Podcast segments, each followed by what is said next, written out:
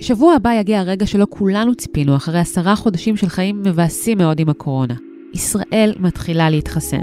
זה רגע מדהים שמסמן את האור שבקצה המנהרה, את הדרך החוצה מחיים של מסכות, של קפסולות, של סגרים ושל מוות. עשרות אלפי אנשים מתים יום-יום מקורונה ברחבי העולם, והמספרים עולים כל הזמן. זה חיסון שפותח במהירות שיא, וישראל היא בין המדינות הראשונות בעולם שמקבלות אותו ומתחילות לחסן את האזרחים שלהן.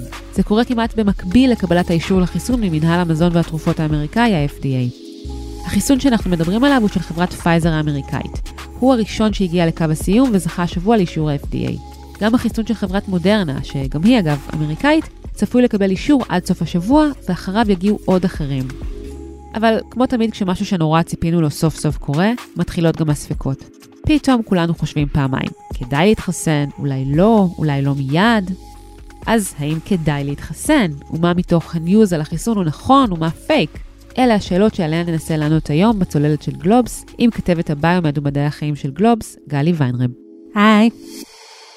אז אנחנו נפגשות היום כמה חודשים, משהו כמו שלושה אחרי המפגש הקודם שלנו, על מתי יהיה חיסון, ואז לא שיערנו לעצמנו שבתוך פחות מרבעון נשב כאן ונדבר על החיסון שאו-טו-טו נוכל פשוט לקבל אותו. נכון, זה מדהים. הגעה של החיסון אלינו קרתה הרבה הרבה יותר מהר מכל הציפיות שהיו לי, והמסלול היה הרבה יותר חלק מכל מה שיכלנו לדמיין. בפגישה הקודמת שלנו דיברנו על זה שהחיסון יגיע אולי לקראת סוף השנה הבאה, ואיפה נהיה בתור, והנה אנחנו כאן, וביום ראשון כבר יתחילו צוות רפואי להתחסן.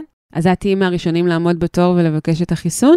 אני לא בקבוצה הראשונה שאמורה לקבל, אבל ברגע שיתאפשר לי, אני אלך לקבל את החיסון, כן. ותמליצי לבני המשפחה שלך? הילדות שלי עדיין לא יכולות להתחסן, כי הן מתחת לגיל 16, אבל ההורים שלי בקבוצה של המבוגרים שהתחילו לקבל את החיסון בקרוב, ואני מאוד אמליץ להם. חשוב לי גם להגיד שלמרות שאני ממליצה למשפחה שלי ואני אתחסן בעצמי, זה לא בהכרח החלטה קלה. אני מבינה את מי שיש לו חששות, אני מבינה את מי שרוצה עוד uh, לחכות טיפה, וממילא רובנו uh, נצטרך לחכות טיפה. כלומר, uh, זה לא שאני, יש לי איזה זלזול במי שיש לו שאלות וספקות, אני אישית הולכת מחר אם נותנים לי. גם אני.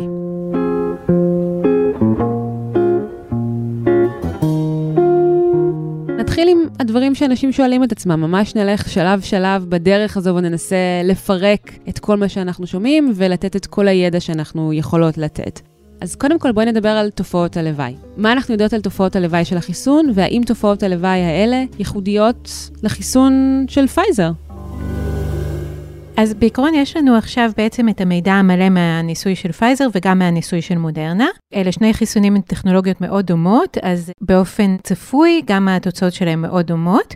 החיסון הוא יעיל בשני המקרים ב-95%, כשאצל מודרנה בקבוצה של המבוגרים יותר הוא היה טיפה פחות יעיל, אבל זה עדיין בגבולות שיכולים להיות באופן מקרי. אנחנו רואים תופעות לוואי מיד אחרי החיסון, שהן תופעות לוואי שהן חולפות. יש uh, קצת כאבי ראש, יש uh, חום אצל חלק מהמתחסנים, יש חולשת שרירים אצל חלק מהמתחסנים, uh, עייפות. זאת אומרת, זה לא נראה לי מופרך שאנשים ירצו לקחת יום מחלה ביום שהם עושים את החיסון. חלק מהתופעות האלה גם הופיעו אצל הקבוצה שקיבלה חיסון דמה, אמנם יש הבדל ברור, וברור שהחיסון באמת גורם לאיזה שהן תופעות לוואי, אבל באמת יש לחיסון כנראה איזה שהן תופעות שמעוררות את uh, מערכת החיסון, ומערכת החיסון היא זו שגם אחראית ליצור את התופעות השפעתיות שלנו. זאת אומרת, גם כשאנחנו חולים בשפעת, זאת בעצם מערכת החיסון שגורמת לנו לעייפות, לכאבי שרירים ולחולשה בזמן שאנחנו נלחמים בווירוס. והמערכת חיסון פועלת uh, גם במקרה הזה ללמוד את החיסון. ללמוד את החלבון שהחיסון בעצם מייצר, ולכן היא יוצרת איזה שהן תופעות לוואי אה, חולפות. עכשיו, אני מניחה שרוב מי שחושש מהחיסון לא חושש מחום חולף יום אחרי, אלא חושש מזה שיש תופעות לוואי יותר אה, ארוכות טווח. זהו, מה עוד נמצא בחיסון מבחינת תופעות הלוואי שאולי מעורר יותר חשש? קודם כל, אנשים אומרים וצודקים שאנחנו לא יודעים מה יקרה עוד חמש או עשר שנים. באמת, אין לנו את המידע הזה. חשוב לדעת שרוב החיסונים עד היום היו בטוחים, והמעט שהיה להם איזושהי בעיה, זאת בעיה שהתגלתה מיד. והתופעות שקורות מיד בחיסונים, הם בדרך כלל מה שעלולים לראות זה תופעות אלרגיות. יש תופעה של אלרגיה לאחד ממרכיבי החיסון, ואפשר uh, לקבל תגובה אלרגית חריפה. זאת הסיבה שאומרים לאנשים בעצם להישאר במרפאה לעוד רבע שעה אחרי שהם מקבלים את החיסונים תמיד. עכשיו, במקרה הזה, כללו בניסוי אנשים שלא היה להם אלרגיה ידועה לחיסון והמרכיבים שלו, ושלא היו להם אה, אלרגיות מאוד מאוד מאוד חמורות בעבר.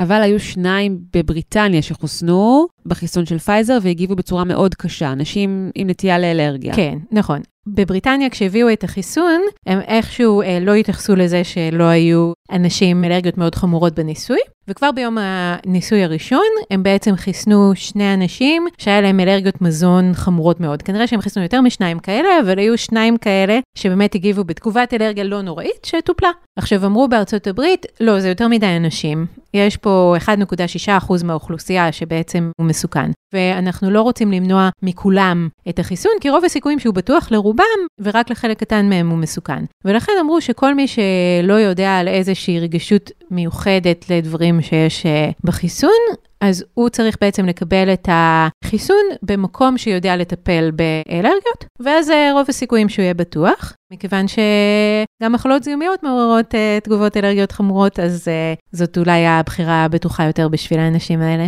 ויש גם אנשים שמתו תוך כדי ניסויים, מה אנחנו יודעים על זה? נכון, היו שישה אנשים שמתו בניסוי של פייזר, בניסוי של מודרנה מתו 13 אנשים. עכשיו, זה נשמע נורא כשאני אומרת את זה ככה, אבל בעצם מה שאנחנו יודעים זה שבשני הניסויים מתו יותר אנשים בקבוצת חיסון דמה מאשר בקבוצת החיסון. אנשים מתים, ואם עוקבים אחרי 40 אלף אנשים במשך שלושה או ארבעה חודשים, ויש גם אה, אנשים עם מחלות רקע בכוונה, ואנשים מבוגרים בכוונה כדי לבדוק אם החיסון טוב להם, אז קורה שאנשים ימותו בניסוי.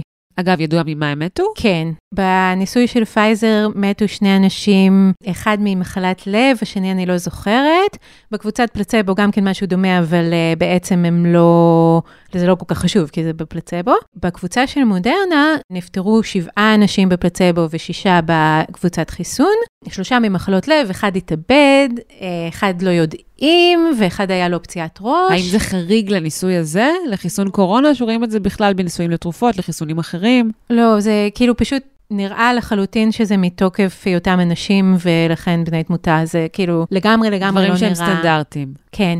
מה שכן, בקבוצה של מודרנה אה, נפטר מקורונה. מסכן אחד שקיבל את הפלצבו. זאת אומרת, אה, כאילו היה בן אדם אחד שטרח ונכנס והתנדב לניסוי.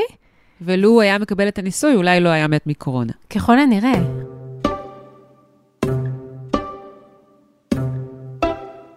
מה בנוגע לתופעת לוואי שדיברנו עליה, שנשמעת חמורה, אה, שיתוק על שם בל? מה זה? מהי תופעת הלוואי בהקשר של הניסוי, והאם אנחנו רואים אותה גם בניסויים אחרים? שיתוק על שם בל זה בעצם הדבר היחיד שנחשב חמור, שקרה יותר בזרוע הניסוי לעומת הקבוצת ביקורת, ובעצם זה איזשהו אה, שיתוק בפנים, שבדרך כלל הוא חולף, ולפעמים הוא אה, לא חולף, והוא מזוהה עם מחלות זיהומיות. עכשיו, בקבוצת ניסוי בעצם אה, בפייזר היו ארבעה, בקבוצת ביקורת אפס, אצל מודרנה היו שלושה ובקבוצת ביקורת אחד. זאת אומרת, יש פה משהו שמרמז שזה אולי בהשפעת החיסון, וזה משהו שצריך לקחת בחשבון וממשיכים לעקוב אחריו. במספרים קטנים כל כך עדיין לא יודעים באמת שזה נגרם uh, מהחיסון. יכול להיות שלאנשים האלה היו גם uh, מחלות אחרות שגרמו לשיתוק השמבל. האם זו תופעת לוואי שרואים אותה גם בחיסונים אחרים? כן, יכולים לראות אותה גם בחיסונים אחרים. זה איזושהי תגובה של מערכת החיסון ככל הנראה. והיא גם בדרך כלל חולפת. חייבים אה, להיות כנים ולהגיד שלא תמיד, אבל בדרך כלל, וגם אצל אה, לפחות שניים מאלה שהיה להם את זה במסגרת שני הניסויים, כבר אה, זה הוגדר כחולף. והנקודה היא שזה עלול לקרות אם חס וחלילה אתה חולה בקורונה. נכון. מי שראה את זה ואמר, אוי ואבוי, אני בחיים לא רוצה שיתוק על שם בל, אז כדאי שישים את המסכה שלו וישמור על הריחוק, כי בעצם יש סיכוי שזה יקרה גם שם. עוד דבר שאנשים ככה תוהים לגביו וחוששים ממנו, זה באמת הנושא של תופעות לוואי ארוכות טווח. אנחנו לא יודעים, סך הכל בדקו את הניסוי הזה בטווח של uh, כמה חודשים, אנחנו לא יודעים מעבר לזה. האם יש חשיבות בכלל לבדוק תופעות לוואי ארוכות טווח בחיסונים? בוודאי. זה מאוד חשוב, ונעשים מעקבים, זאת אומרת, חיסונים שנכנסו לשוק ב-10-20 שנים האחרונות, מיד כל המידע מהם נכנס למאגרי מידע, כל תופעת לוואי שמדווחת על ידי מישהו שאי פעם לקח את החיסון הזה, בעצם נקשרת לחיסון ובודקים את זה מול אה, אוכלוסיות אחרות. אבל מה ההיסטוריה מלמדת אותנו? היסטוריית החיסונים, היו דברים שהתגלו בטווח של כמה שנים, שלא ראו אותם מיד? כמעט ולא. אנחנו יודעים על מקרה אחד שהוא המקרה החריג, שזה איזושהי מחלה שקוראים לה קדחת על שם דנגי, שבעצם המחלה עצמה מאופיינת בזה שאחרי ההדבקה הראשונה, אם יש הדבקה שנייה, היא חמורה יותר.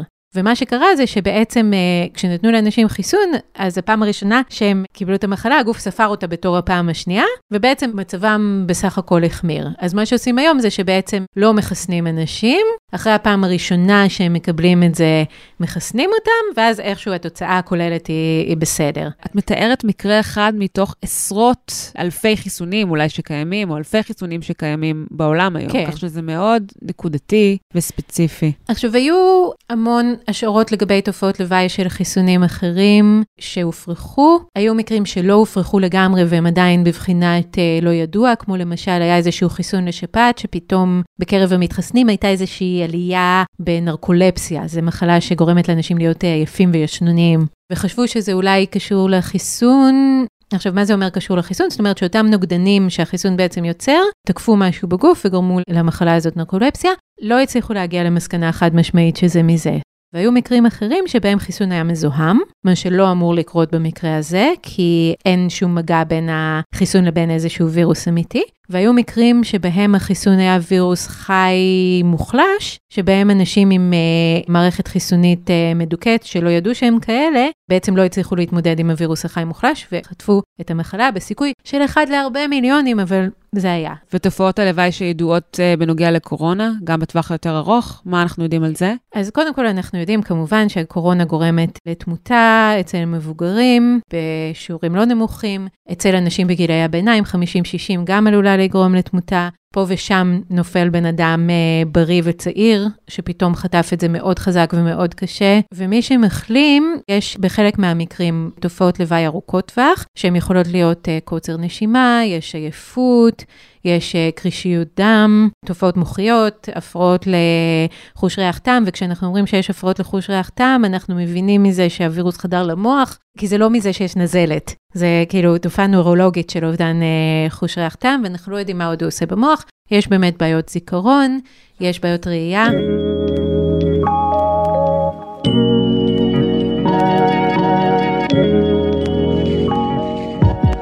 כאשר uh, בעצם מתחסנים, אז החיסון נחלק לשניים. כן. בעצם יש שתי מנות של חיסון. אז נכון, אנחנו מקבלים בעצם uh, מנה ראשונה, שבעצם בכלל מכירה למערכת חיסון שיש כזה וירוס.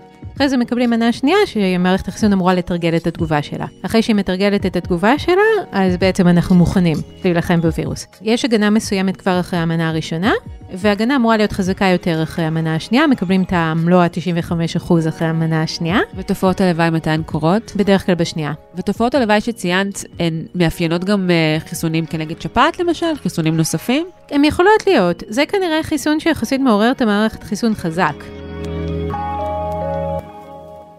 מדובר בחיסון חדשני, זאת אומרת, זו פעם ראשונה, נכון, שמדובר בחיסון RNA. אז כן. אנשים תוהים לעצמם, אוקיי, אולי יש דברים שלא ידועים לגבי החיסון הזה, ואנחנו לא רוצים להיות פה שפני הניסוי, מה אפשר להגיד לגבי זה? אז קודם כל, אני חושבת שכשאומרים RNA זה נורא מפחיד, כי אומרים שזה חומר גנטי, ואנשים מפחדים שזה ישנה להם את הגנטיקה, וזה לא יקרה.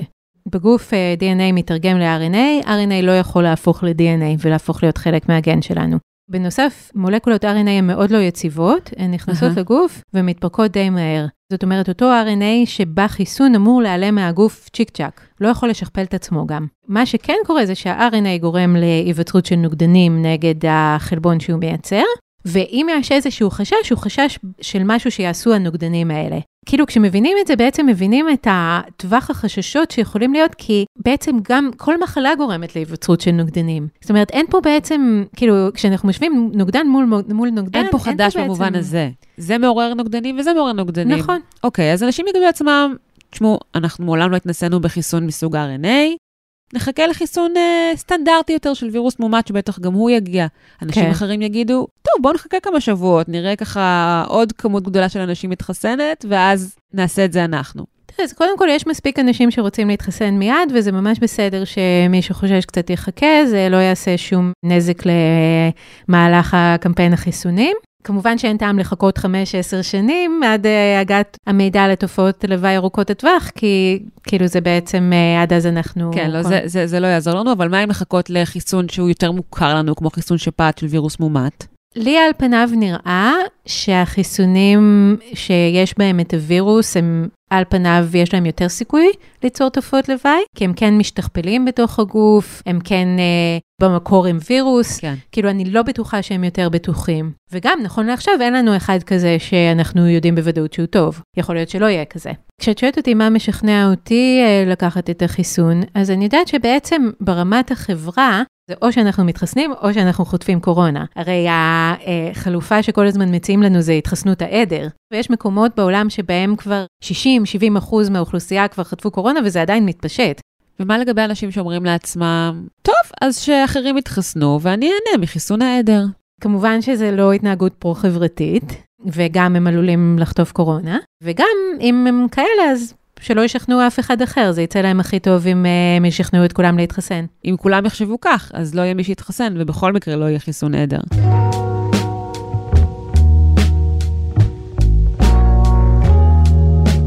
מה לגבי אוכלוסיות שהן uh, מיועדות לחיסון וכאלה שכרגע לא יכולות עוד להתחסן? אז באמת שתי חברות כללו בניסוי הרבה קבוצות עם מחלות שונות, כדי שאפשר יהיה להרחיב את ההתוויה כמה שיותר. מבוגרים יכולים להתחסן, אנשים עם מחלות רקע שקשורות לקורונה, כמו השמנה, סוכרת, מחלות לב יכולים להתחסן, ילדים לא יכולים להתחסן כרגע.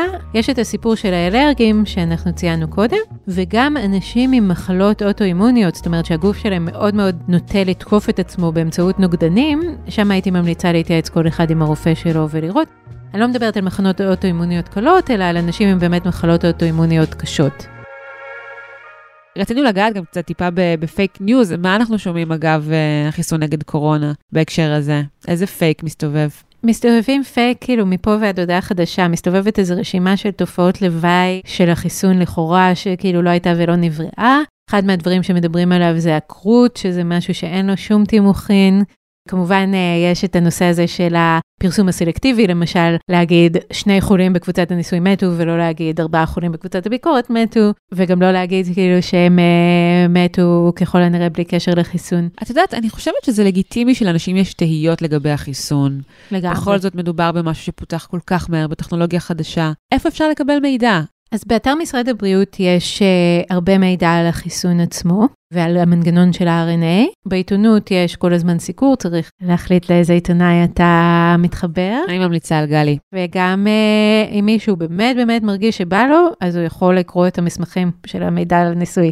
גם הנתונים כולם פתוחים לציבור, ככה שכל אחד יכול uh, להסתכל ולהגיב על זה. ולמה כל כך חשוב באמת שתהיה כמות מספיק גדולה של אנשים שיתחסנו? בעצם ברגע שהרבה אנשים מתחילים להתחסן, אז אנחנו מתחילים לראות את התופעה של ההגנה הבלתי ישירה, אומרים שזה קורה מנניח 30% עד 40% מהאוכלוסייה, ואז בעצם גם מי שעדיין לא הספיק להתחסן הוא קצת מוגן, כי הסיכוי שלו לפגוש מישהו שהוא חולה הוא הולך ויורד. ואם אתם זוכרים את ה-R המפורסם, כן. אז uh, מי... מקדם ההדבקה. כן, מקדם ההדבקה זה אומר uh, כמה אנשים פוטנציאלית כל חולה מדביק. אז ברגע שכל חולה פוגש פחות מבן אדם אחד שהוא יכול להדביק, אז המגפה מעצמה הולכת ודועכת ונעלמת. אבל יש כאן איזשהו נעלם שהוא עוד לא ידוע בהקשר של החיסון, והוא אם אנשים שהתחסנו עלולים בכל זאת להמשיך ולהדביק בעצמם. נכון, נכון, זה מאוד חשוב להגיד, ובאמת זה קצת מחרבש את ההנחה של ההגנה הבלתי ישירה. יכול להיות כי לא בדקו את זה עדיין, שהחיסון לא מונע תחלואה אסימפטומטית. זאת אומרת, מה שקרה בניסוי זה שאנשים עם תסמיני קורונה בעצם הגיעו אה, לקליניקות ואז בדקו אם יש להם קורונה. יכול להיות שהיו אנשים בלי תופעות שלא נבדקו ובכל זאת היה להם קורונה אסימפטומטית ואנחנו לא יודעים את זה. אנחנו לא יודעים אם היו יותר כאלה בקבוצת ניסוי או בקבוצת ביקורת, ולכן החברות לא יכולות להגיד שהחיסון שלהם מונע הדבקה אסימפטומטית. הם רק יכולים להגיד שהם מונעים תחלואת קורונה. עכשיו, מה שחשוב להגיד זה שרוב המדענים מעריכים שחיסון שמונע תחלואה, לכל הפחות מפחית בצורה דרמטית את ההדבקה האסימפטומטית, אבל פשוט עדיין לא יודעים. בדיוק אתמול יצא איזשהו נתון מהניסוי של מודרנה, שהם בדקו את כל מי שהגיע לקבל את המנה השנייה, ומה שהם מצאו זה 38 חיוביים לקורונה בקבוצת uh, ביקורת ו-14 בקבוצת ניסוי. אוקיי. זאת אומרת, זה כבר נראה טוב, מספרים נורא קטנים, וזה אחרי המנה הראשונה רק. מדהים. כן, זה נראה, נראה שזה לפחות מפחית את התחלואה הסימפטומטית, גם תחלואה סימפטומטית היא בעומס ויראלי יותר נמוך, הסיכוי שלה לדבק הוא, הוא יותר קטן, אז בעצם כאילו ההערכה היא שיש סיכויים ממש טובים שאנחנו נראה הגנות בלתי ישירות.